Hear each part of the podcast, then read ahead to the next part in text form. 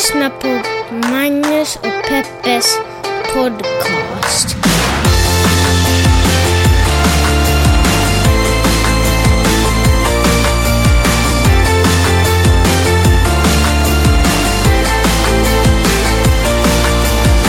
Hallå internet och hjärtligt välkomna. Hoppas jag verkligen att ni känner er till podden som heter Magnus och Peppes podcast. Och det är ju händelsevis också den ni lyssnar på just nu. Jag heter Magnus Evenius Öhman. Och, jag heter Peppe Öhman. Oh, ska alltid hålla på att avbryta mig hela tiden. Eh, det här är ju en podd där vi pratar om de stora och de små händelserna i världen och där vi bor och kanske vårt personliga liv berättar du tydligen extra mycket, inte bara i podden om. Eh, och så gör vi det ur ett feministiskt eh, humanistiskt, eller jag säga, men journalistiskt och mediegranskande perspektiv. Åh, oh, vilken harang! Jag måste du, dra varenda gång. Vi har haft gäster här jätte, jättelänge. Mm. Och för några veckor sedan... Det är ju sedan... mer än gäster, måste man ju säga. Det är ju förvisso, det är den tekniska termen Inneboende. Men, men det är ju familj på många sätt. Ja, vi har haft familjen här. Ja. Och nu när du insinuerar att vi talar om ditt och mitt sexliv i den här podden, vill jag säga att under ett under ett, ett det har vi inte gjort i den här podden. Ja, men då satt mamma här och lyssnade. Ja. Och det kändes... Ah, hon låtsades att hon inte hörde vad vi snackade om. Men jag tror att hon hörde att vi snackade. Jag tror att hon vet att du och jag har sex. Mm. Efter att vi har pratat om det där uh, huruvida man ska eller inte ska, läs inte ska, prata om sitt sexliv med andra människor. Har du gjort det? Eller har du sådär, nej, Magnus tyckte inte att det är så kosher så jag slutar göra det. Eller har det inte dykt upp ett tillfälle ens kanske? Jag tror faktiskt inte det har dykt upp ett tillfälle. Mm. Men alltså om du verkligen inte vill att jag ska göra det så gör jag såklart inte det. Bra, tack. Då är det bestämt. Eh, massa saker har ju hänt eh, den här veckan som vi naturligtvis ska prata om. Är du beredd? Kan vi bara först snacka om vad som hände på Hawaii häromdagen. Hörde du om det? Eh, det som inte hände på Hawaii? Ja, det kan man väl kanske säga. Att det gick ut en... Vi har ju någonting här i USA som heter Amber Alerts. Som är liksom eh, panikmeddelanden som går ut till alla telefoner. Man kan i och för sig stänga av den funktionen men basic är att alla har det på. Så när det går ut en Amber alert som alltid egentligen handlar om eh, att något barn har blivit kidnapp, kidnappat och polisen behöver direkt få tag på den här bilen som är någonstans på någon highway typ. Så går det ut en, en, en varning där det står eh, liksom, hur, hur, bilen ser ut och vad som ungefär har hänt och om du ser det här rapportera direkt liksom. Så när man sitter någonstans och det går ut ett Amber alert så börjar alla telefoner så här. Så brukar det låta. Det här hände ungefär på Hawaii fast någonting mycket, mycket värre. Det meddelande som helt plötsligt tjöt i alla personer, över en miljon människors telefoner, det bor ungefär över en miljon människor på, på Hawaii, var att en missil är på väg mot ön Eh. Herregud så dålig stämning. alltså verkligen. Jag såg att de faktiskt också hade lagt ut varningarna på vägskyltar. Jaha. Du vet, alltså inte sådana som är, alltså såna som, man, som är digitala vägskyltar. De digitala vägskyltarna där det står att det är 20 minuter in till centrum Exakt. här nu eller kör inte onykter och, och sådana saker. Eh, ja, och, och, dessutom så, tillägg, så kom det tilläggsmeddelande som sa att det här är inte en övning. This is not a drill. Eh, Ja, psyk, sö, psyk, sök skydd omedelbart. Och det visade sig att det var, det var ändå trots allt falskt alarm. Det var ingen eh, en missil med kärnvapen på väg mot eh, Hawaiiöarna. Utan det var, det var någon stackars praktikant som hade råkat trycka på knappen skicka panikmeddelande till alla invånare i den här, i, i den här ögruppen. Alltså herregud. Men det som... Men i dessa tider känns det ju inte så osannolikt. Nej men det var ju det alla tänkte. Alla tänkte att nu fick eh, Nordkoreas ledare nog och nu kör vi. Nu liksom. finns inte Hawaii mera. Ja. Intressant är ju då, de flesta liksom som bor på Hawaii, de är ju oroliga för tsunamis och eh, att deras vulkaner ska göra, göra uppror. Liksom. Så, de, så de är ju liksom laddade och förberedda för det. Men trots att det hade liksom... Göra upprop, sa du så? Göra uppror. Så som uh, metoo liksom. Ja, exakt. Men trots att det hade nog liksom ökat eh, liksom spänningen har ökat mellan USA och Nordkorea och, och folk på Hawaii har liksom tagit det seriöst och liksom börjat göra, göra vad man nu kan göra. Inte fan vet jag vad man gör. Gräv gropar. Inte fan vet jag vad man gör.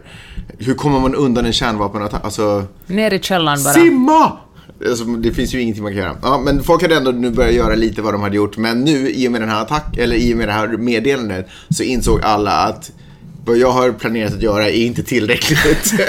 För folk, folk betedde sig som yra höns tydligen. Alltså folk sprang, de, turister de sprang ju bara tillbaka till hotellrummet och tänkte att vad gör, alltså, du vet, man får panik och inte riktigt vet och inte kan tänka klart. Då vill man springa hem, eller som mm. är det närmaste ens hem. Eh, men så var det ju några då som, eh, som var, som, som tänkte att nej, det här är inte på riktigt. Det här, och det, det förstår jag inte heller hur man kan ha hur man ens kan ha... Det är säkert några snubbar. Ja, det var en äldre farbror. Och vet du varför den här mannen som det pratas om, varför han inte tänkte att det här är på riktigt? Nej. Därför att CNN eller Fox inte hade avbrutit sina sändningar för det. För om det är en missil på väg mm. mot USAs, då avbryts ju sändningarna. Mm. Alltså det måste göra det. Eller hur? Ja, det skulle klassas som en nyhet. Det, det, och verkligen this just in, liksom. Ja. Eh, så därför så tog han, han tog det med ro för att tv-sändningen inte hade avbrutits. det är, jag vet det är någonting... Eh, det är nog lite ballsigt faktiskt. Det är lite ballsigt. Eller ska vi säga så lite... Jag tycker inte om när man säger ballsigt. För att ha ballar är ju någonting väl, det är ju att ha en... Ja, men herregud, måste Nej, du göra allting till feminist? Språket är viktigt. Språket ja, är sant. viktigt. Jag menar, men pungen tänk, är en väldigt känslig del av mannen. Men tänk... De, att ha en jättestor pung Tänk de här bollarna inte... som äggstockar då, som äggen. Tänk dem, se dem som det. Tolka det som det. Ja, skitsamma, nu förstör du hela... Jag tyckte det var... Nej, förlåt. Jag tycker också det var intressant. Vidriga dagar på Hawaii. Tänk om man har liksom betalat 600 dollar för att komma dit på en liten resa från Los Angeles. Tänk nu ska man njuta av det härliga. Och så får man en sån här ber... Så förstörs en semester på det här ja, sättet. det går inte att slappna av efter det. Sjukt. Men hör du, kanske det är en bra sån där... Um, att kanske man verkligen kommer ihåg att uppskatta stunden då också. Ja. Man tänker att när som helst kommer det kanske att bli kärnvapenkrig. Ja. Så verkligen sluta bråka om pengar och vara artig mot folk på bussen. Nu är det ju inte någonting jag rekommenderar staten att börja göra med jämna mellanrum bara för att väcka liv i sina invånare. För att du vet hur det gick när, man, när den där pojken ropade varg. Mm. Men effekten är ju nog den att jag tror att det är ganska mycket människor på Hawaii just nu som uppskattar livet lite extra mycket. Som kanske njuter lite extra mycket de här dagarna av att få leva och existera. Bara avslutningsvis, anledningen till att det här meddelandet kunde gå ut överhuvudtaget var för att det inte fanns någon... Alltså den här killen på eh, meddelandecentralen hade, de skulle alltså göra en övningsdrill där och så hade han tryckt på liksom knappen, skicka ut meddelande till alla invånare. Och sen har det kommit upp, du vet hur det alltid kommer upp på datorn, vill du verkligen göra det här? Ja. Och då hade han tryckt ja på den också, liksom lite i misstag på något sätt. Men nu har de ändrat eh, nu, och det har ju varit möjligt för en person att, att dra igång hela den här processen därför att det ska kunna göras så snabbt som mm. möjligt. Men nu har de bestämt sig för att de där extra sekunderna det tar om, för att två personer måste godkänna hela den här processen så eh, tycker de är värt det nu. Så nu har de gjort om systemet så nu är det två personer som måste signa iväg för att det här ska kunna gå ut det här meddelandet igen. Fair enough, säger jag. Ja.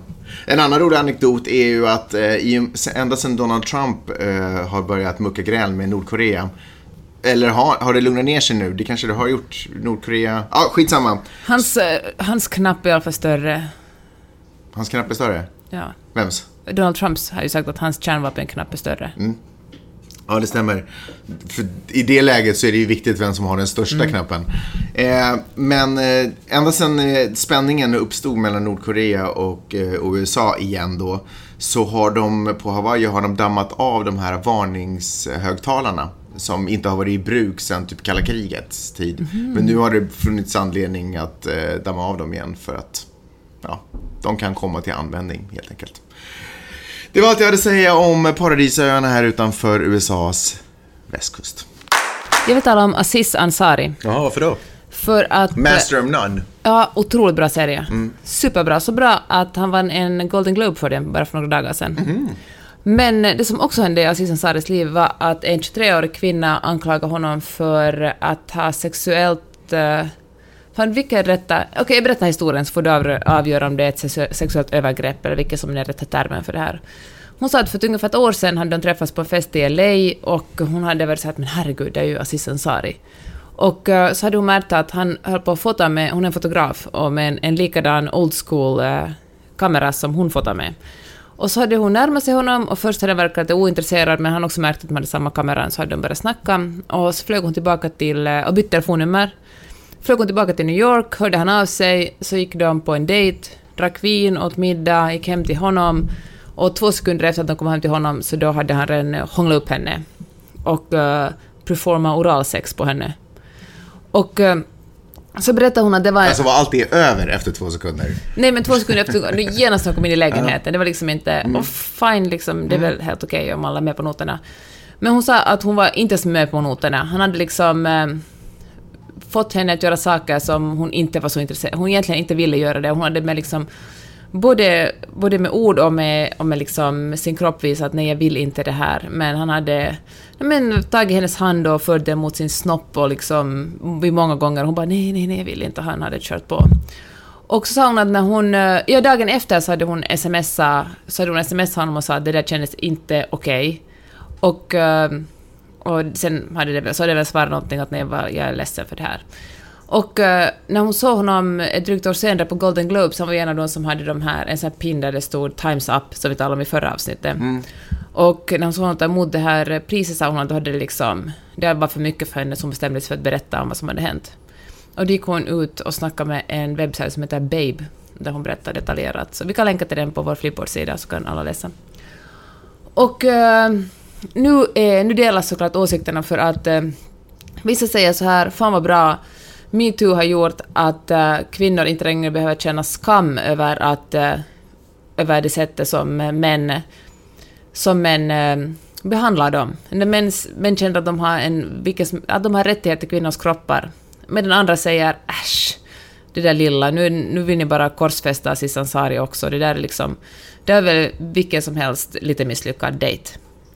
Och när jag läste om det här så tänkte jag på en grej som Caroline Heiner, som vi också talade om i förra avsnittet med, om, en här, hon som har skrivit Män visar, Män visar kuken för mig, som, hon sa så här om, om metoo-rörelsen, hon sa att, att uh, den har gjort att det finns fler nyanser i diskussionen kring, inte bara våldtäkt, för det första, bara våldtäkt har fått fler nyanser också, det kan vara våldtäkt att sticka upp något annat än sin penis i en kvinna, men också att det har blivit okej okay att tala om när folk orsakar en obehag, en situation som man annars bara förr i tiden bara skulle ha tänkt så här att boys will be boys, så här är det. Så det blev ju okej nu att säga det här var otroligt obehagligt för mig. Och du kanske inte våldtog mig och det här var kanske inga grova sexuella trakasserier, men det här, den här situationen var inte okej för mig. Och det är det som, eh, som jag tror att många kanske har missförstått i den här metoo-uppropet. Jag tror att, eller folk som säger att det är spelet mellan könen. Men egentligen så är det bara en, eh, eller inte bara, utan egentligen är metoo ett sätt att uh, tala om sånt som inte är okej. Okay. Förstår du vad jag menar? Jag och det har hon, den här kvinnan, gjort. Ja, jag förstår. Och uh, så tycker jag också att det är intressant, för då, då snackade jag lite om det här på Twitter också, så var det någon som sa men Master of One, han, Master of None är ju en så otroligt bra serie, det är en feministisk serie, en liksom antirasistisk serie. Och, och uh, Aziz Ansari, han har ju talat, han har skojat mycket om liksom om eller han är liksom en good guy, han är verkligen en super good, good, good guy och en sån här bra typ som dessutom spelar lite the underdog hela tiden. Han är liksom inte den här buffliga gammaldags killen utan han är den moderna, mjuka, feministiska, gulliga killen och roliga dessutom. Kan han verkligen ha gjort någonting sånt här? Kan han verkligen liksom ha gjort att en kvinna har känt sånt här stort obehag? Kan han verkligen liksom ha varit så här övertalande och så här liksom aggressiv sexuellt?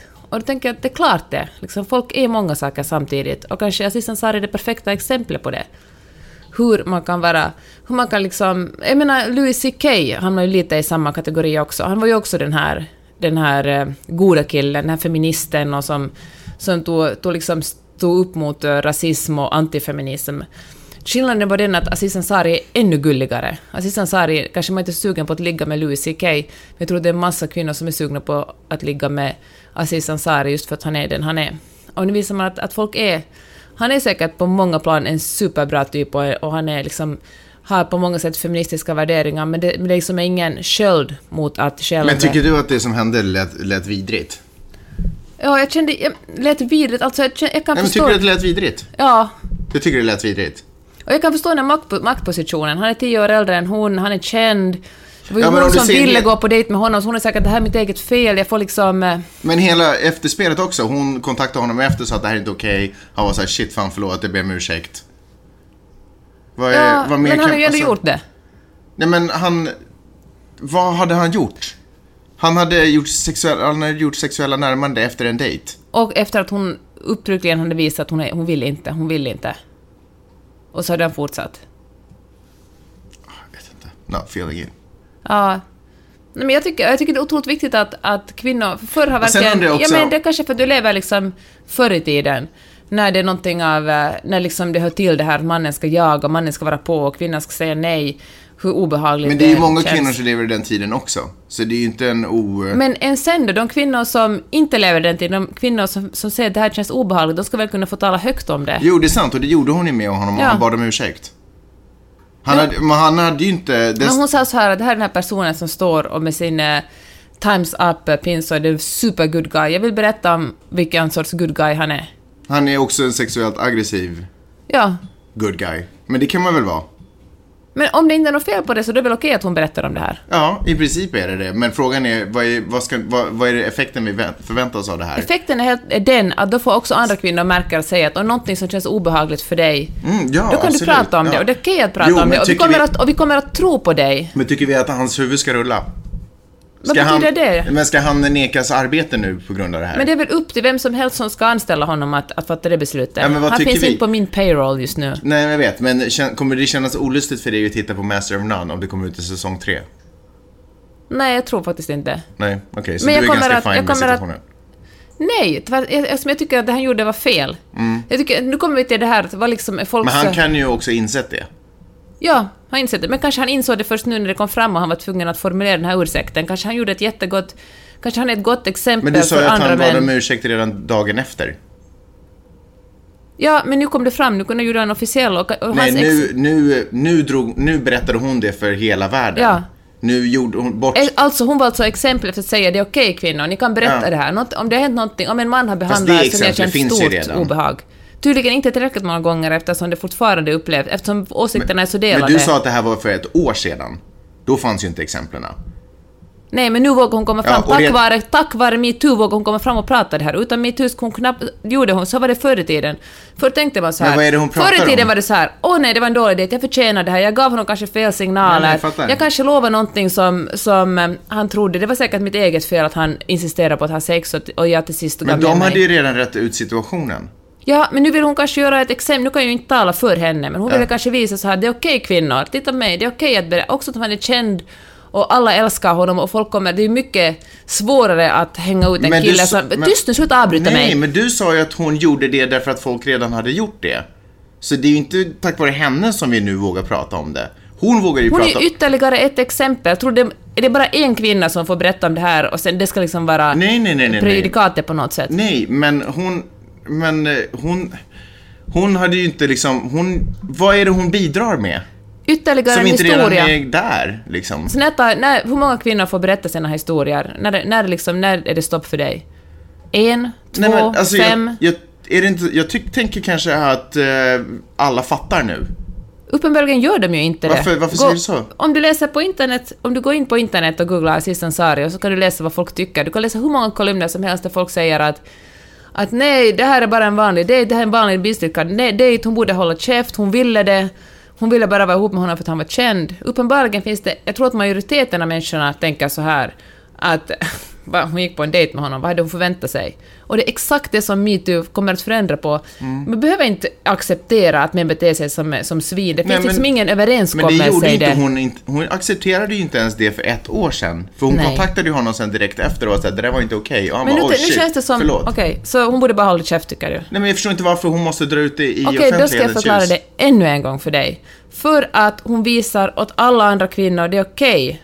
Hon gör en enorm risk, så är det ju alltid när kvinnor kommer ut och berättar, det är en enorm risk för henne för att hon inte blir trodd. Hon, kommer, hon får säkert otroligt mycket. Hon har också...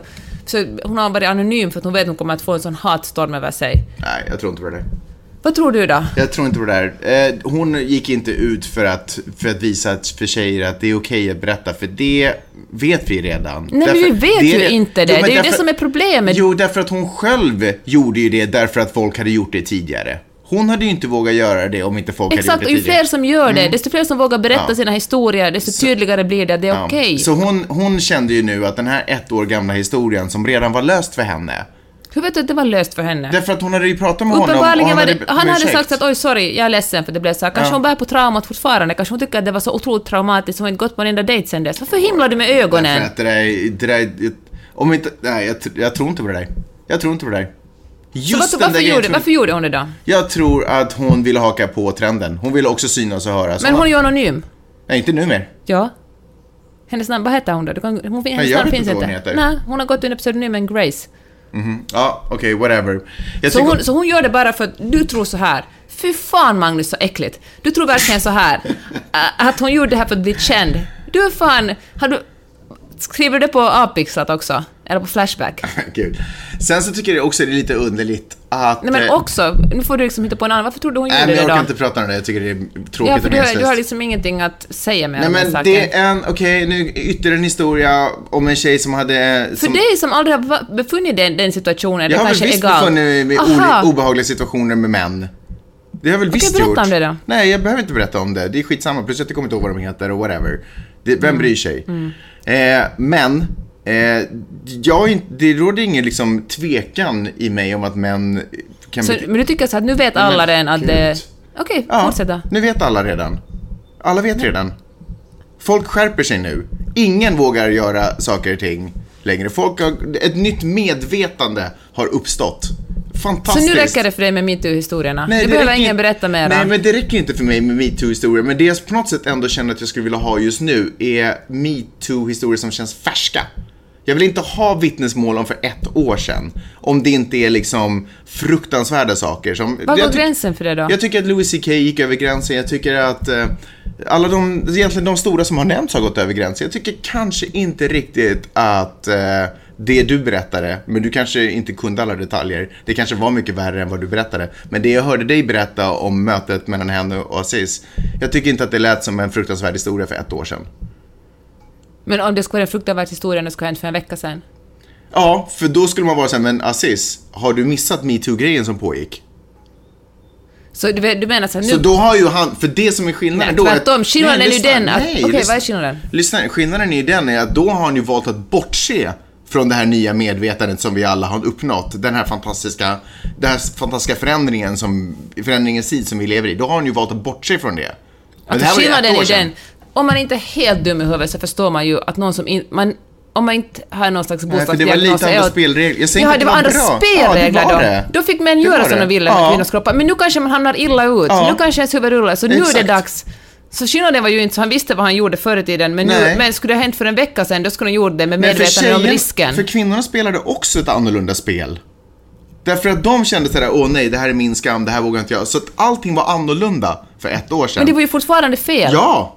Men, vad är det, var ingen som preskriberat? men det är alltid preskriberat som hände före hösten nej, 2017. Nej, nej, det är fortfarande inte moraliskt försvarbart. Allting var fortfarande fel, men ingen visste ju om det, att det Men var fel. ingen, nej men herregud, Nej, men det ingen visste om att Nej. sexuella övergrepp och trakasserier var Jo. fel före metoo. Jo, sexuella övergrepp, ja. Och Men att, att ha sex ja. med någon som säger nej jag vill inte ha sex med dig, Ja, nej jag vill inte, det var, okej. Men det var inte det du berättade att Aziz hade gjort. Men jag sa ju, det började ju hela den här historien med att säga att hon både verbalt och, med, och fysiskt sa att, visa att hon inte ville ha Jaha, sex så med han honom. genomförde sex med henne ändå? Så han Ja. våldtog henne? Han hade, Det är inte okej. Han gjorde oralsex på henne, han tvingade henne att göra ha oralsex på honom. Jag kan lägga upp den så kan du läsa okej, den så han själv. våldtog henne? Det är ju förstås inte okej. Vad hade du tänkt då? Men jag, jag, fick det, jag förstod det som att de eh, kom in eh, i lägenheter efter middag och, och så började de bara grovhångla och så var det typ det och hon tyckte det kändes obehagligt. Och där någonstans avslutades det. Och sen dagen efter ringde hon och sa att det där kändes fan inte okej. Och han bara oj shit sorry. Men vad går gränsen för att inte kännas okej då? Om man, om man visar sig att Nej, jag vill inte det här, jag vill inte det här. Är det bara något som penetrerar givet- eller någons könsorgan som rör en annan människas mun? Det är aldrig okej om, folk, om, om båda inte är med på det. Det är aldrig okej. Men det här var ett år sedan. Än sen då? Nej, det är skillnad. Det är faktiskt inte Det skillnad. Du skill- har så jävla fel här Magnus, det är inte någon Nej, skillnad. nu är det så här, nu, nu är det så okej kolla. Eh, män nu då, som har försökt, som har förstått vad det är som har De bara, pågått. åh nej, flickkvinnor tycker att det är obehagligt när vi gör saker mot dem som de inte vill. Det kanske kommer som en chock för dig, men underligare situationer har jag funnit mig själv i. Eh, men nu är det så här, okej, okay, nu har man nått det, nu har man sagt, men herregud, det som har pågått tidigare är ju sjukt. Slavhandel, hur kunde vi hålla på med det? Det var ju helt sjukt. Men nu är det okej okay, liksom, eftersom nej, det hände före vi blev medvetna om det? Nej! Det är klart att det, det är helt sjukt, men vi kan ju inte ogöra det som är gjort. Det enda vi kan försöka göra är att inte göra... Så om vi träffar, en, om vi träffar nazister i Argentina, vi säger, och vi bara, det var fult det som mm. ni sysslar med på, under andra världskriget, men vi kommer inte för att, men nu är det andra tiden, nu vet vi att, att, det, att det är fel att ha ihjäl sex miljoner Nej, men människor. det är klart, alltså om man har våldtagit någon, då ska ju det huvudet rulla. Men vet du vad ditt problem är nu det att du har bestämt, ditt eget huvud bestämt, här går gränsen. Ja. Att det är våldtäkt är ja. gränsen, men annars är det inte gränsen. Men vet du, jag kan lugna dig, alltså det finns ju ingen, det är ju ingen fara för rättssäkerheten. Alltså grejen är det med metoo att det finns ju liksom ingen, väldigt få huvuden har rullat väldigt få människor har betalat böter. Någon enstaka här. snubbe har kanske förlorat jobbet. Det kommer att gå bra för Aziz Ansari. Du behöver mm. inte alls oroa dig över honom. Och alla andra snubbar också. Det kommer gå jättebra för dem. Men, gud. men då så, varför pratar vi om det här jäkla mupp? Lyssna på det här. En Sakligt, verkligen. Värdigt, Magnus. En annan grej som stör mig är sådär, när män nu då helt plötsligt inser vad fasiken det är de har pysslat med för typ ett år sedan. Och jag är herregud, det är ju helt Men hur dumma tycker du Nej men lyssna på mig! Sluta dominera samtalet när du bara försöker provocera. Lyssna på vad jag säger. Om män nu har sådär bara, vad i helsike höll vi på med? Och, och nu försöker göra en förändring och försöker sådär bidra till en bättre värld. Kanske uppfostra sina egna söner eller sina egna barn till att bli bättre människor. Kanske föregå med gott exempel och till exempel vara en del av en aktiv rörelse och bär en pin som är symbol på att eh, oavsett vem jag varit så är jag annorlunda nu och nu kommer världen förändras tack vare mitt bidrag. Då flippar kvinnor för att de här männen bär pins. Vad fan, den här då, diskussionen hade vi ju förra veckan. Ska vi ta det en gång till? Och då flippar de här... Ja, men för du, att flippa är också otroligt nedsättande. Att man kritiserar någon nej, inte... Det är som att kalla någon hysterisk du också. Du sa att hennes proppar brann därför att hon såg nej, honom... Det är dina ord. Hon tyckte att det var för mycket. Hon sa att... Hon, hon kan... tyckte det var för mycket att han stod upp för en god sak.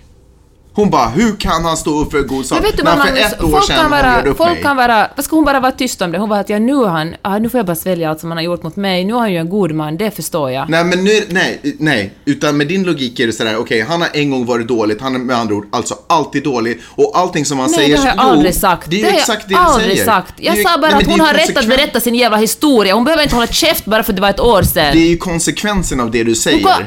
Ja, vad är konsekvenserna av vad jag säger? Konsekvensen av det du säger är att oavsett vad det, för positiva saker som den här mannen försöker göra, så är det skit värt Därför att han för ett år sedan betedde sig som ett svin. Det som jag säger att hon har fan stor rätt att berätta sin historia och det kommer... Ja, Aziz Ansari kommer... Det kommer inte att hända någonting. han kommer att fortsätta vara en rik och framgångsrik skådespelare. Irrelevant. Vad, vad är din poäng då? Min poäng är att det borde finnas ett, alltså min poäng är väl att varför ska vi hålla på och skjuta ner folk som försöker bidra till en bättre värld? Så att om någon har gjort någonting idiotiskt förr i tiden, då ska man bara förlåta det för att nu är han snäll. Fattar du inte att människor kan vara många saker samtidigt? Han ja. kan säga fan, Fan vilken jävla idiot jag varit. Förlåt, förlåt. Så diskuterar vi mm. det här problemet. Diskuterar att folk kan vara många saker men samtidigt. men han är inte fucking good bara för att han nu plötsligt bär en pin där det står “Times up”. Var det så nyanserat som den här pseudonymen Grace då la fram det? Nej, hon berättar sakligt det som hände. Hon berättar så här, det här gjorde han med min kropp, jag ville inte det, jag tyckte det var obehagligt. Mm. Hej! Har du frågor och kommentarer så kan du mejla min mamma och pappa på Magnus gmail.com. Gör det!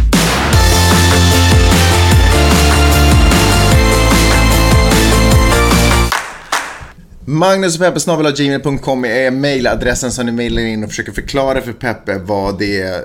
Att bara lugna dig människa. Skriv någon sånt och sen utveckla det. Nu skulle inte jag rekommendera dig att göra det om du är man och lyssnar. För det kommer inte ha en positiv effekt. Utan jag behöver nu stöd från vakna och, och upplysta kvinnor. Um, vi går eh, vidare, eller? Vill du säga någonting? Nej, ingenting alls. Från din antinyhet till någonting som faktiskt är stort och eh, ja, histor ett historiskt ögonblick på många sätt. Det är nämligen så, vad är det? Vad... Så du gillar bara den här podden när du får mansplaina saker? Nej, By vadå? all means, fortsätt bara. Men får jag ta upp någonting i Ja, podden också? nej, nej, vi lyssnar. Oh my god. Ehm, I alla fall, drottning Elisabeth har gjort sin allra första intervju. Är inte det, ett- inte det va? Du är helt eh, kall. Du är helt kall Peppe. Helt nonchalant och kall. Du säger ingenting. Hur kommer det sig? Det är ju stort ju. Aldrig någonsin har eh, eh, the Queen of Commonwealth den största matriarken på planeten jorden eh, gjort en tv-intervju. Ja, det är coolt. Det är faktiskt coolt. Det är ju supercoolt. Eh, och eh, hon eh, sitter då och blir intervjuad av BBC och pratar om sin kröning. Kröningen var ju någonting som aldrig egentligen skulle ha filmats. Och till största delen inte egentligen ens filmades. På den tiden när, när Queen Elizabeth var ung och grann då var ju hon omringad av väldigt mycket konservativa royalister i sitt hov och sådär. Och, och tillsammans med dem så bestämde hon sig för att om man filmar det så då, då gör man det för, för alldagligt, hela den här fantastiska processen. Man måste ju också förstå att det här var ju en tid och kanske det fortfarande är, Det är så. som att idag sända typ äh, bröllopet mellan prins Harry och Harry? Harry och Meghan, vad hon heter, över Snapchat. Ja, det jag vet inte om det var samma sak. Men, men om du försökte beskriva någonting som gjorde en stor händelse alldaglig så var det ungefär samma sak.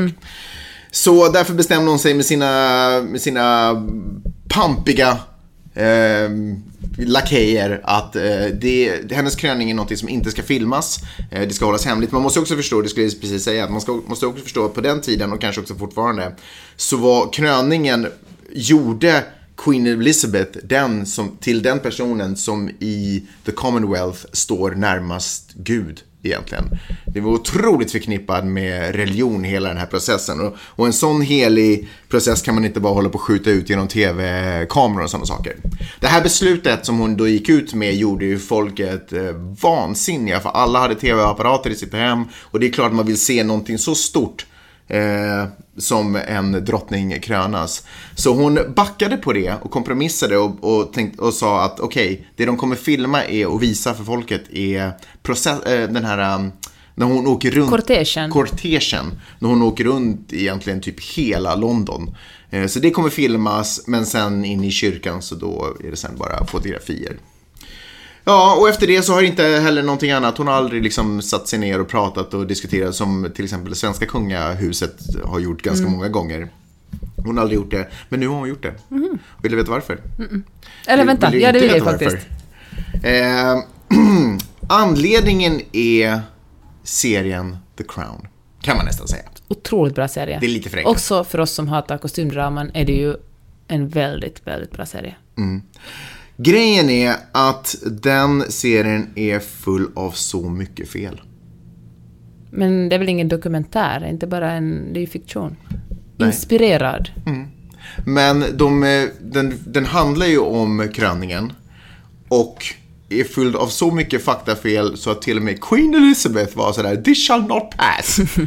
eh, så när BBC kontaktade henne, jag tror att det, snubben som intervjuar henne heter Alistair Bruce och han är en sån som har intervjuat eh, Obama, han har intervjuat massvis med större personligheter. Eh, så när han och teamet kontaktade henne så lyckades de träffa en så bra tidpunkt i världshistorien, för det är ju massvis med folk som har försökt få intervju med henne, men hon bara “No, no”. Men nu kontaktade han henne just vid den tidpunkten. Eh, dels är det ett jubileums, eh, det vi var närmare oss jubileumsår för kröningen. Eh, och, eller om vi redan har passerat det, ups, borde veta att det. Eh, och sen eh, just på grund av att The Crown har blivit så stor, stor hit. Skriven av en fantastisk manusförfattare men som inte har en clue av vad som egentligen, som inte har liksom någon koppling till hovet. Han har, ingen, han har inga känningar i hovet, han vet ingenting så han har bara hittat på alltihopa för att skapa en, en fantastisk berättelse. Kanske läst lite tabloider och sådär men det finns ingen, han har liksom ingen fot inne, han sitter inte på någon inside info. Ehm, Info. en info.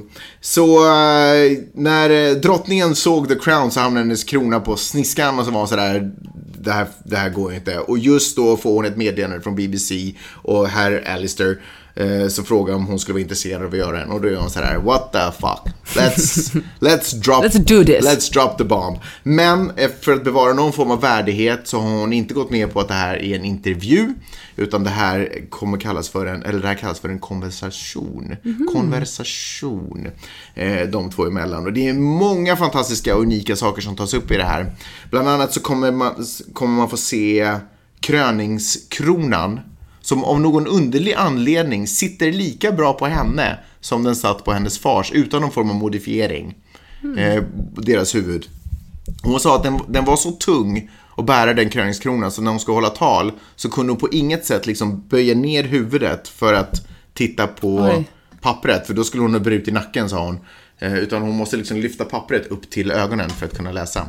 Eh, och den här kronan har ju aldrig filmats eh, tidigare, annat än då i förbigående i kortegen eh, då under hennes kröning. Eh, men nu får man liksom se den i super ultra duper HD och man ser till och med så här dammkornen i spotlighten, du vet när de åker förbi. Alltså det ser så magiskt ut.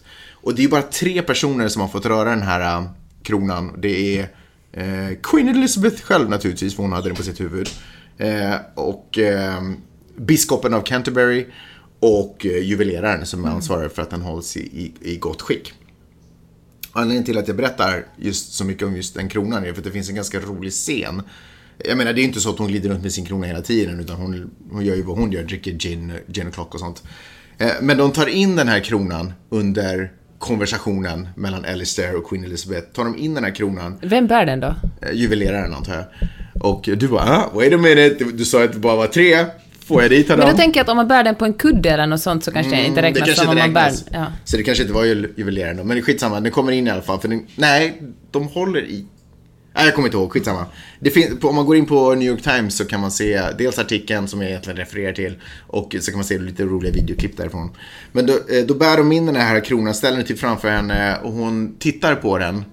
Som om hon tittar på så som jag tittar på ett par jeans i en butik om jag ska köpa. Liksom lite sådär, man bara, ah, okej. Du vet, är alltså så legendarisk och så Fast mytomspunnen. det väl hör väl till hennes eh, image att vara ganska cool med allting. Ja.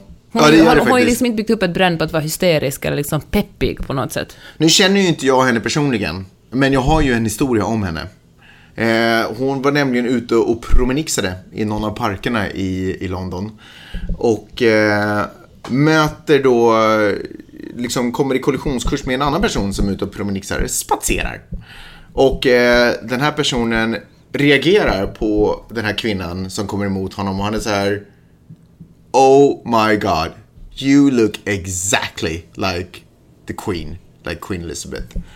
Och hon tittar på honom lite nonchalant och svarar How reassuring och fortsätter gå. Eh, hon är ju, eh, det är ju en cool tant, kan man säga det?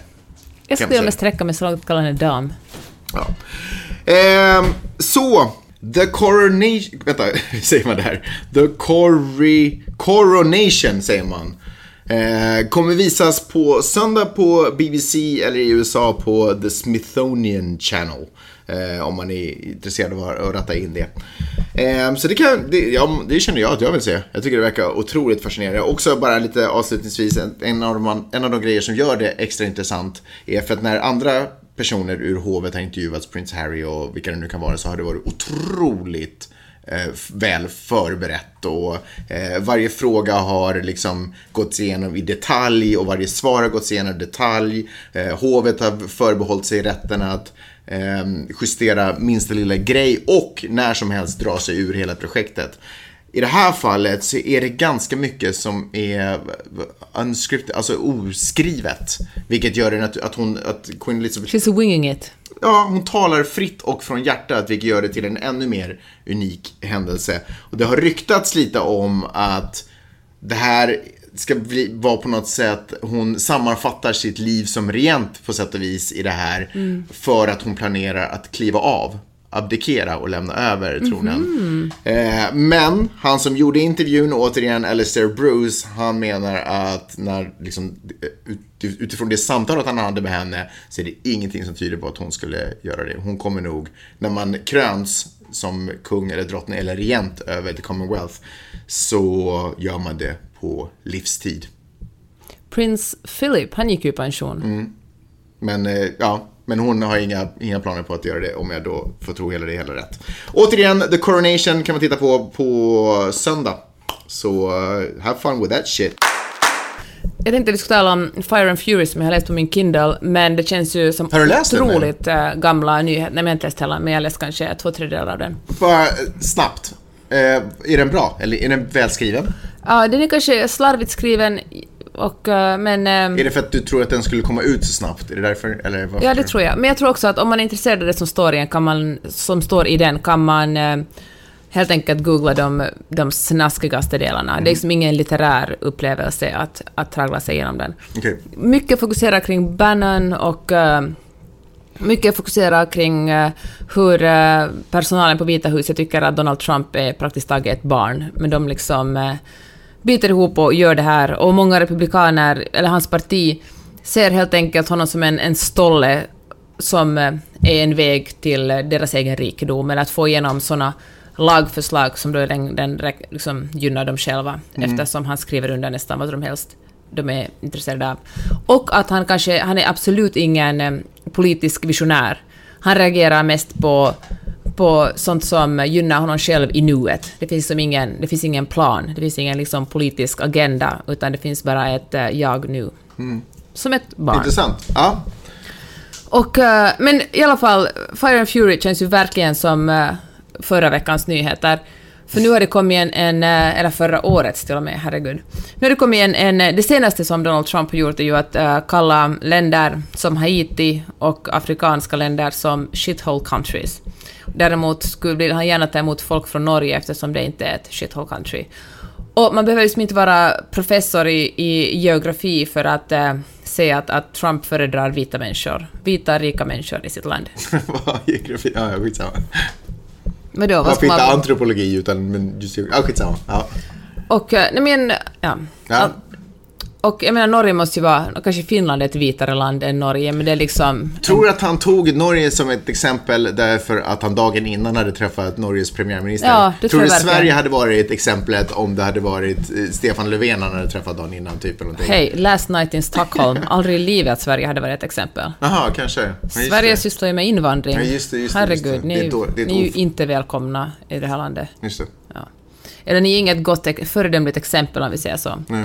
Men eh, det som har varit spännande tycker jag är att se hur amerikansk nyhetsmedia har reagerat på det här, eh, på just ordet...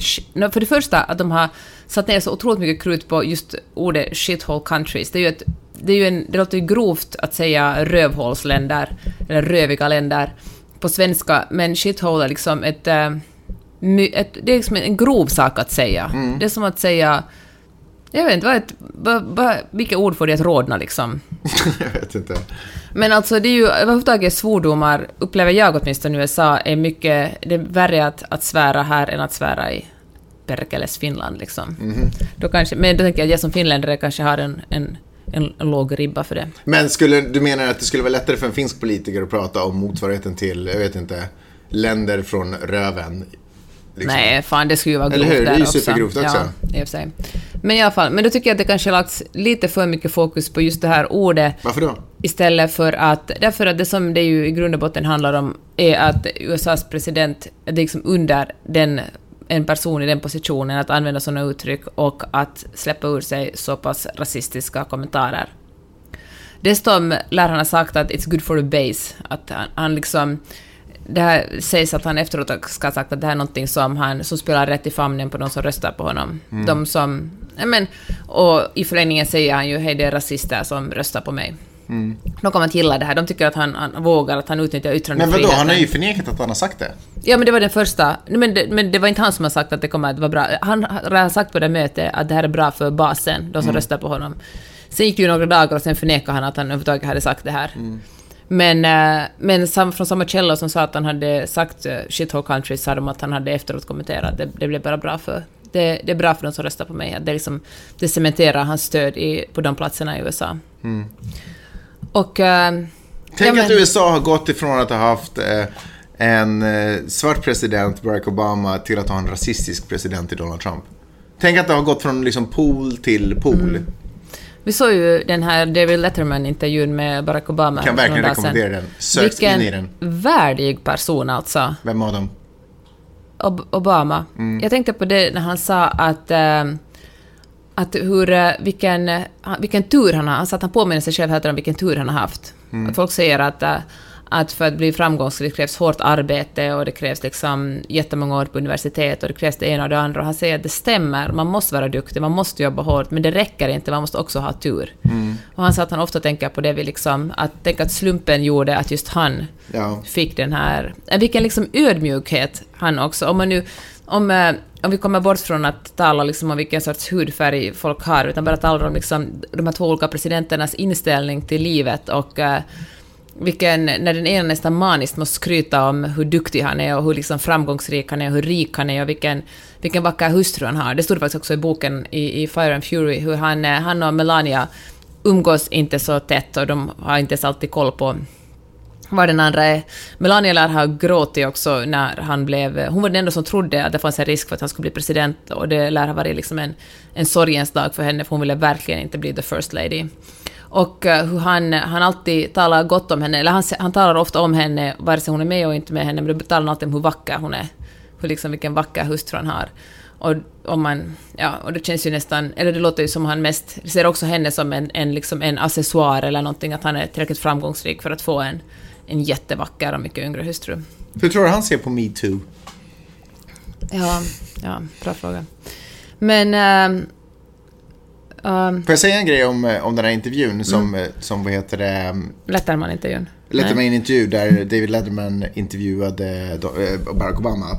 Eh, apropå det här med de olika polerna, att vi hade Barack Obama som president förut och nu har vi en snubbe som Donald Trump. Eh, Barack Obama pratar om den här, um, att det har blivit så polariserat just för att vi, vi tack vare sociala medier sluter oss in i våra egna bubblor där våra egna åsikter bara förstärks och bekräftas och vi inte de här algoritmerna som styr våra flöden är där för att vi ska få det vi vill Bekräftelse. läsa. Ja, för att vi ska få bekräftelse och, och det vi vill, inom situationstecken, läsa utan hänsyn till att ibland kanske man vill läsa någonting annat. Mm. Eh, så, men i alla fall. Eh, och det har gjort att vi har snöat oss djupare in i våra egna tankar och våra egna åsikter. Det är som att det blivit en rundgång och det är också anledningen till att allting har blivit mer koncentrerat och då har vi också mer polarisering i, i de här presidenterna. Ja, säger det här gäller ju om man söker någonting på Google eller om man är på Facebook. Men då mm. tänker jag till exempel Twitter, om man följer nu har jag inte gått så långt att jag följer Breitbart, men om man följer till exempel Fox News, då får man ju en väldigt tydlig påminnelse om att det finns en annan sida också. Mm. Och då tänker jag att kan Twitter vara, det är ju på något sätt, det är på många sätt ett vidrigt forum eftersom folk är så osköna mot varandra, men det är ju också ett väldigt bra ställe att följa nyheter på. Ja. Med anledning av det här så skulle jag vilja prata om Facebook faktiskt. Eh, eller känner att, vill du prata mer om, eh, om den rasistiska Donald Trump? Ja, får jag säga en sak till? Ja. För jag tycker ju att det här var otroligt intressant, så lyssnade jag, idag när vi var ute och sprang, lyssnade jag på The Trumpcast, där de talar om ifall Donald Trump är en fara för demokratin. Mm.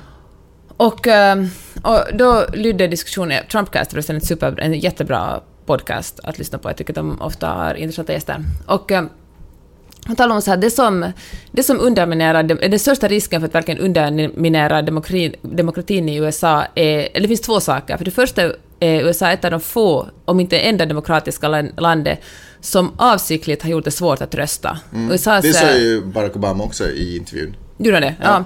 Eftersom eh, Ja, eftersom i andra länder, det finns till och med vissa länder, jag tror att Österrike har lagstadgat att man måste rösta. Det hör mm. till din demokratiska plikt. Men här ligger ju liksom röst, alltså röstprocenterna på kring 50 procent, alltså det är ett otroligt lågt röstningsdeltagande. Mm. Och det är delvis för att det är så svårt att, att alltså det är komplicerat att rösta.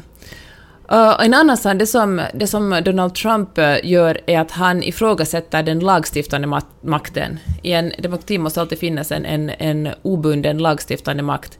Och genom att uh, till exempel benåda Arpaio, kommer du ihåg den här mm. um, guvernör i ja, Arizona? Han var senat, guvernör. Ja. Guvernör, va? Jag tror det. För han, kommer att, han ställer upp nu i kongressvalen faktiskt. Mm genom att benåda honom, efter, trots, att, trots att han hade blivit, alltså han, efter att han blivit dömd i rätten, var liksom ett litet steg för att visa att, att Donald Trump, att han, att han står över att, att de juridiska besluten inte, inte rör Donald Trump.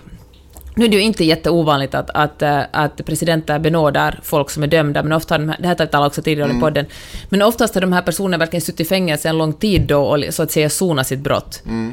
Men det här han, han Arpaio han inte ens, han var alltså också, han är också en väldigt känd rasist, han har, men vi kan, det kan lyssna på en tidigare podd. Mm. Och eh, en annan sak är att han försöker underminera Mullers arbete, alltså den här FBI, för detta FBI-chefen som då undersöker Rysslands kopplingar och, och, eh, och, och valfusk. Och han försöker underminera han, trovärdigheten där för att eh, kunna helt enkelt förkasta en utredningen när den väl kommer ut. Så att det är liksom det är ett sätt att, att ett jätteallvarligt sätt att underminera demokratin. Mm. Eh, Barack Obama nämnde en annan grej som är problematisk för demokratin och det är nämligen att folk i det här landet och faktiskt också om vi ska, prata, eh, om vi ska vara helt ärliga, i hela västvärlden är att vi inte delar samma faktagrund. Att faktan har blivit så pass lös och folk upplever sig Eh, alltså, ja, att vi helt enkelt inte, vi kan inte vara överens om fakta ens på något sätt och det är problematiskt, det är problematiskt för demokratin. Eh, Facebook har ju fått jättemycket kritik för sitt bidrag till valresultatet. Facebook lägger om sin strategi. Eh, det kommer bli svårare för eh, företag att pusha produkter. Det kommer bli svårare för nyhets ehm, eller mediaartiklar att pushas ut till sina liksom, följare sådär, eh, på Facebook. Därför att Facebook ska gå tillbaka till det de eh, liksom alltid påstår sig ha värnat om, nämligen relationer människor emellan. Så de saker som våra flöden kommer fyllas mer av nu är helt enkelt om du eh, har en vän som skriver någonting i ett kommentarsfält som du är intresserad av. Så då kommer det liksom, eh, mer de här sociala interaktionerna kommer, eh, kommer lyftas fram. Vad säger du om det Peppe? Men ur en journalistiskt perspektiv känns det väldigt tråkigt, för det här eh, underminerar ju väldigt många medias sätt att nå ut till eh, sina läsare och lyssnare mm. och tittare. Samtidigt, hur ska man göra? Hur ska de göra? Borde Facebook gå in och, säga, och liksom hårdkoda vad som är riktigt och vad som inte är riktigt? Ja, kanske det. Men är det... Är alltså det... jag vet att Facebook alltid argumenterar för att de bara är en plattform. Mm. Men uppenbarligen så har de ju en möjlighet att påverka demokratin i ett land. Mm. Så de är ju inte bara en, en plattform som är på något sätt en neutral plattform. Jag tycker inte att det här är superdåligt faktiskt. Jag tycker att det som är dåligt är att vi på något sätt har vant oss vid att vi kommer få vår information ifrån Facebook och det är fel. Facebook är, tycker jag, och ska vara, så som de nu också gör det till en plats där vi socialt kan interagera med andra människor, bara rakt upp och ner. Nyheter, det ska vi få från andra ställen. Mm. Det ska vi få från nyhetskällor. Eh, eller hur? Mm. Det är ju mm. de som ska stå för sorteringen, inte Facebook mm. som ska stå för sorteringen. Så vi måste bara lära oss att vända oss tillbaka till de här nyhetsställena och sluta tigga till oss gratis information som nyhet journalister pumpar ut, eller mediehus pumpar, pumpar ut på Facebook i hopp om att få liksom, följare. Så jag tycker inte att det är, är nödvändigtvis helt dåligt faktiskt. Jag, jag stödjer det här. Och sen ska jag också säga att det fin kommer fortfarande finnas en möjlighet att om man verkligen vill följa eh, New York Times eller någonting annat seriöst, eller Hufvudstadsbladet, så kan man fortfarande liksom klicka in det och sen så får man den informationen från de eh, ställena. Eh, och sen ska de introducera en snooze-knapp också.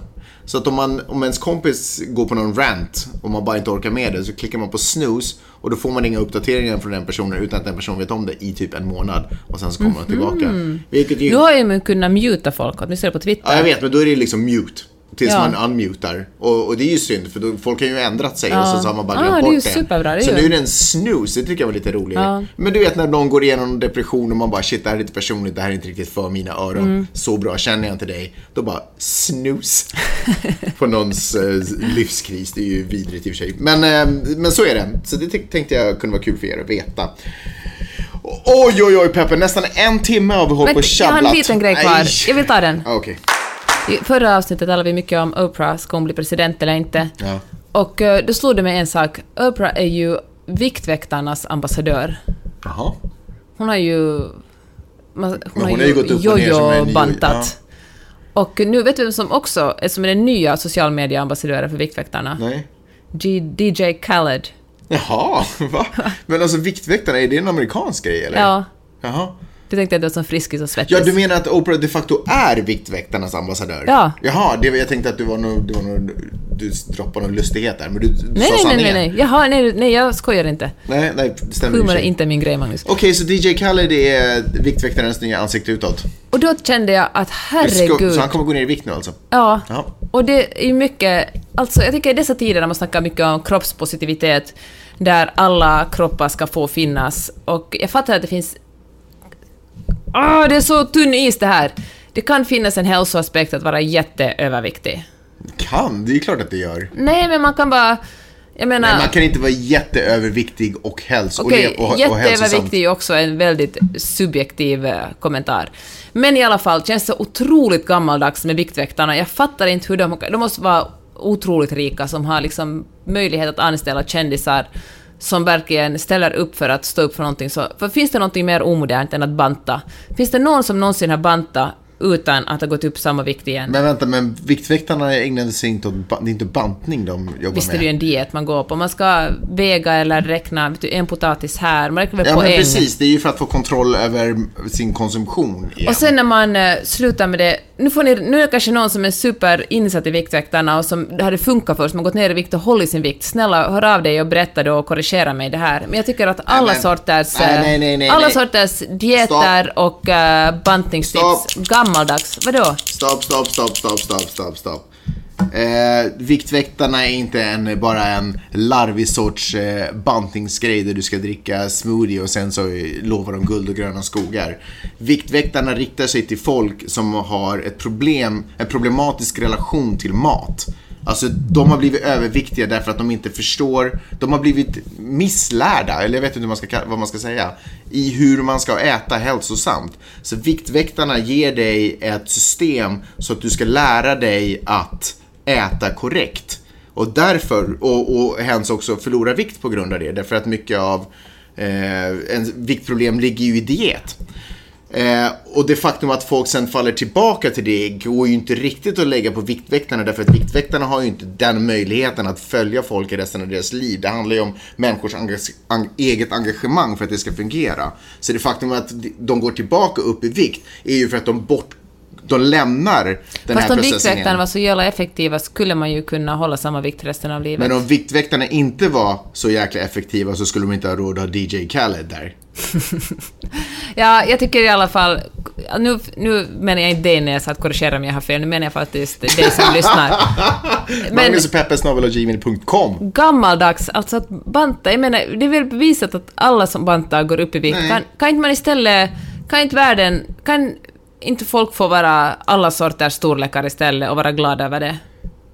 Ja men om man inte, jag tror att, ja, jo, du har rätt Peppe. Men om man nu inte är glad för det utan vill göra någonting åt det. Ja, men genom att ändra normen, att det verkligen... För jag tror att, att alla ska vara så jävla smala, att det är liksom en... Ja, men det är en samhällsnorm. Man är lyckad om man är smal, man är misslyckad om man är tjock. Kan vi liksom komma bort från den? Mm, det har du rätt i.